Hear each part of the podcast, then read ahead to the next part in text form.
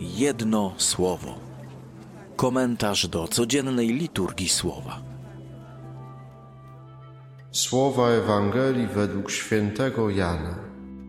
Jan stał wraz z dwoma swoimi uczniami i gdy zobaczył przechodzącego Jezusa, rzekł: Oto baranek Boży.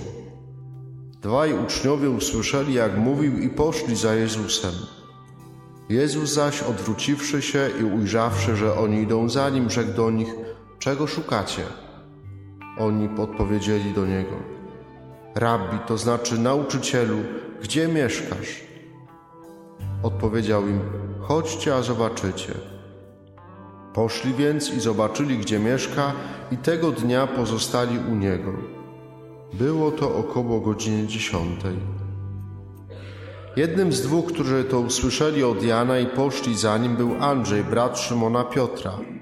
Ten spotkał najpierw swego brata i rzekł do niego: Znaleźliśmy Mesjasza, to znaczy Chrystusa, i przyprowadził go do Jezusa. A Jezus, wejrzawszy na niego, rzekł: Ty jesteś Szymon, syn Jana. Ty będziesz się nazywał Kefas, to znaczy Piotr. Jedno słowo. Nasze ciało, młode lub stare, zdrowe i wysportowane, lub też schorowane i cierpiące, silne i gotowe do życia, albo słabe i potrzebujące opieki. Z tym naszym ciałem się rodzimy, przeżywamy całe nasze życie i w końcu z nim umieramy. Nawet powiedzenie, że z ciałem, z nim albo w nim wydaje się być nie na miejscu, bo my nie tyle mamy ciało, co jesteśmy ciałem. Jesteśmy istotami cielesnymi. To nasze ciało powoduje przecież, że jesteśmy tym, kim jesteśmy. Poprzez nasze ciało, jego wygląd, rozpoznajemy innych i z nimi się spotykamy. To właśnie dlatego, że tak wyglądam, to gdy patrzę w lustro, gdy ktoś mnie spotyka, to rozpoznaję we mnie księdza Marcina. Dlatego, że tak jest moje ciało.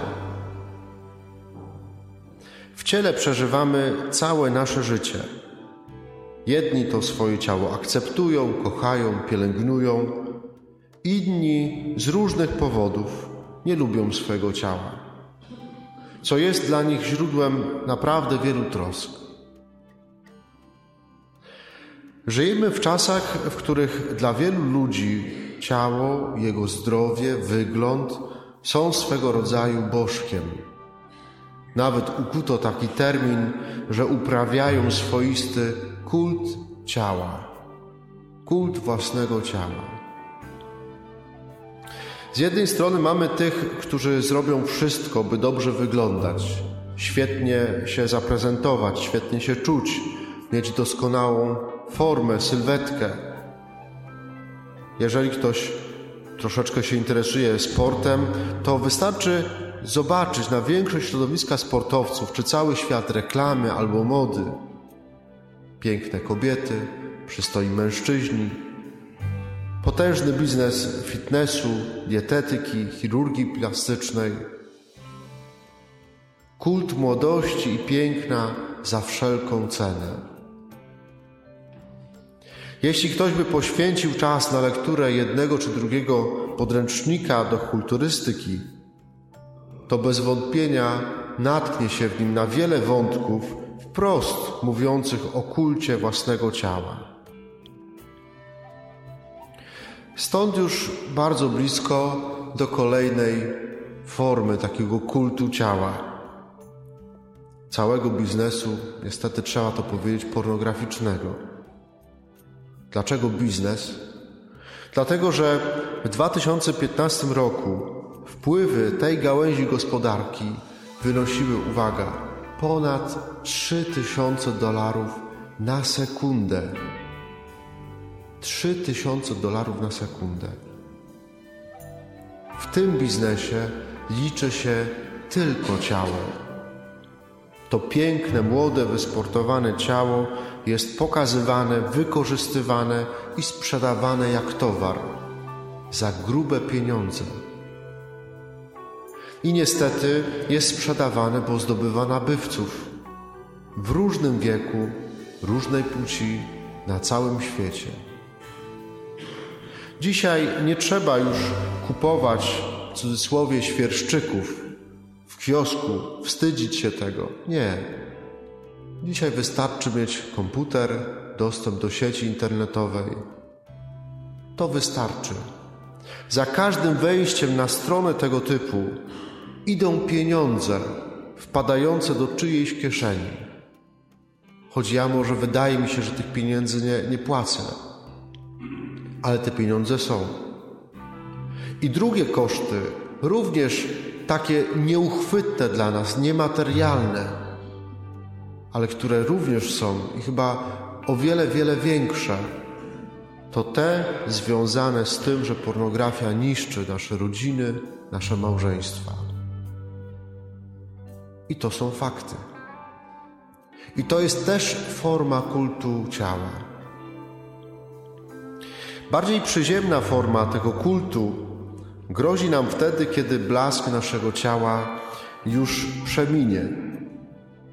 Najpierw jesteśmy piękni i młodzi, a później zostaje już tylko i. Przejawia się ten kult ciała w tym wieku późniejszym w swoistej lekomanii naszego społeczeństwa. Jesteśmy jednym z krajów, których kupuje się największe ilości wszelkiego rodzaju lekarstw i medykamentów. One są dostępne właściwie w każdym sklepie na wyciągnięcie ręki. Proszę też popatrzeć na reklamy, które nam serwuje telewizja czy radio. Zdecydowana większość z nich to przecież reklamy leków na wszelkie możliwe przypadłości. I nie kwestionuję tutaj absolutnie wieloletnich problemów w służbie zdrowia czy generalnego procesu starzenia się społeczeństwa. Ale coś z takiego dziwnie rozumianego kultu ciała jest w tym całym naszym zafiksowanym na lekach, na suplementach diety. Y, coś tu jest w tym zafiksowaniu. Zobaczcie, że nawet jak składamy sobie życzenia, to przede wszystkim życzymy sobie zdrowia, myśląc o zdrowiu naszego ciała, bo zdrowie, proszę księdza, jest najważniejsze. Jest ważne. Zdrowie naszego ciała jest ważne, ale czy najważniejsze? Kult ciała w różnych jego odmianach prowadzi ostatecznie do tego, że na tych, których ciało jest stare lub chore i cierpiące, zaczynam, zaczynamy patrzeć jako społeczeństwo. Nie chodzi o konkretne osoby, tylko jako społeczeństwo. Zaczynamy patrzeć jako, jako na kogoś niepotrzebnego, kto jest ciężarem dla społeczeństwa, którego należałoby się pozbyć. Na szczęście jeszcze u nas w kraju mamy dosyć silne więzy rodzinne, jeszcze, które chronią przed takim myśleniem. Bo ten człowiek stary jest częścią rodziny. Ale jak się uważnie przypatrzeć, to niestety te prądy, które są na zachodzie myślowe, już do nas docierają i to bardzo szybko. Taki stary człowiek nic przecież nie wnosi do społeczeństwa. Jest, można powiedzieć, społecznie nieopłacalny, nieużyteczny, zbędny. Właśnie w tak rozumianym, przewrotnie rozumianym kulcie ciała mają swoje źródło wszelkie pomysły związane z eutanazją czy aborcją. Pozbyć się tych, którzy w jakiś sposób nie pasują do naszego wzorca ciała, albo osób starszych i schorowanych, albo jeszcze nienarodzonych chorych dzieci. To nie jest przypadek, że w Anglii właściwie dzieci z zespołem Downa się nie rodzą, bo wszystkie giną, zanim zdążą się urodzić. Dlaczego o tym właściwie mówię? Uspokójmy może nieco emocje, które być może wywołało to, co do tej pory powiedziałem. Bo ten temat, zostałem jakby wywołany do tego tematu, jak otwarłem dzisiejsze Słowo Boże, które właśnie ten tak delikatny temat porusza. Nie sposób przejść obok niego obojętnie. Jesteśmy bowiem zanurzeni w takiej kulturze, która na różne sposoby sprowadza czy redukuje człowieka wyłącznie do wymiaru ciała. I powiedzmy sobie wprost, że to jest nowy rodzaj pogaństwa. Tak subtelny, że nawet sami sobie często nie zdajemy z tego sprawy, jak bardzo nim jesteśmy przeniknięci, jak bardzo w tych kategoriach myślimy. Nie oznacza to wcale, że mamy o to nasze ciało, o jego zdrowie i piękno nie dbać. To jest nasz święty obowiązek dbać o swoje ciało, o zdrowie tego ciała, o piękno tego ciała. To wynika z przykazania miłości bliźniego i siebie samego. Dbać o swoje zdrowie. Ale nie jesteśmy tylko ciałem. Jesteśmy istotami, które łączą w sobie rzeczywistość ciała i ducha. I dlatego święty Paweł dzisiaj w drugim czytaniu nazywa nasze ciało przybytkiem Ducha Świętego. Co to jest przybytek? To było miejsce najświętsze w jerozolimskiej świątyni. To było to miejsce, w którym znajdowała się Arka Przymierza, czyli znak Bożego działania i Bożej obecności w narodzie wybranym przekładając na nasze, na nasze czasy, na nasze myślenie kościelne, to było tabernakulum. Paweł mówi tak: Twoje ciało jest tabernakulum, w którym mieszka Duch Święty, w którym mieszka Bóg. Zamieszkał tam wtedy, kiedy Syn Boży stał się człowiekiem, kiedy Słowo stało się ciałem pierwszym czytaniu, właśnie w przybytku, w tym miejscu najświętszym, do Samuela mówi Pan Bóg. Tam Samuela powołuje. W tej świątyni naszego ciała mieszka i mówi do mnie Pan Bóg. Gdzie? Poprzez moje sumienie, w którym pomaga mi rozeznać, co jest dobre, co złe, pomaga nam wybrać dobro. Apostołowie w Ewangelii pytają Pana Jezusa, gdzie mieszkasz? A on im odpowiada, chodźcie i zobaczycie. Bardzo dziwny dialog. Przecież Pan Jezus sam w innym miejscu Ewangelii mówi, lisy mają nory, ptaki mają gniazda, a Syn Człowieczy nie ma głowy gdzie skłonić. I tu nie chodzi więc o jakieś konkretne mieszkanie, w którym pokazał mi Pan Jezus, gdzie mieszkał. Tu jest mój pokój, tu mam kuchenkę, tu jest moje łóżko. To nie o to chodzi. Ewangelista Jan, który jest jednym z bohaterów tego wydarzenia, choć nie pisze o sobie, chce pokazać, że oni spotkali w osobie Jezusa, w Jego ciele, spotkali żywego Boga.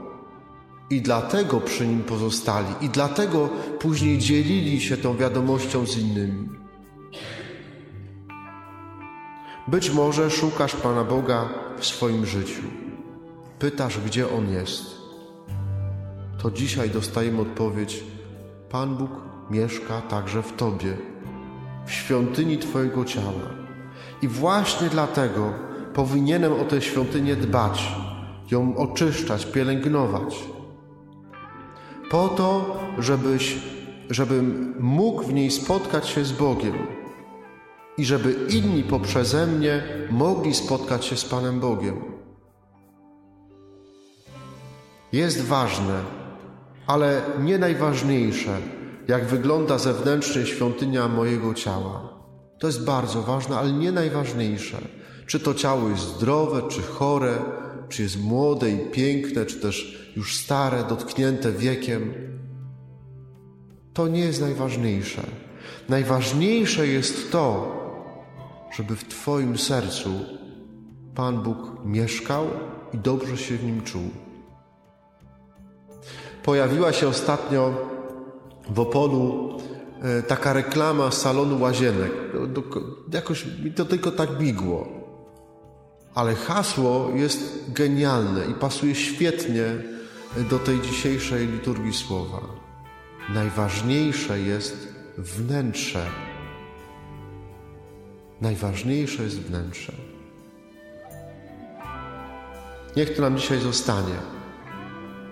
Staramy się o to, żeby nasze ciało było piękne, żeby było zdrowe. Starajmy się o to. Ale nie zapominajmy o tym, że najważniejsze jest wnętrze.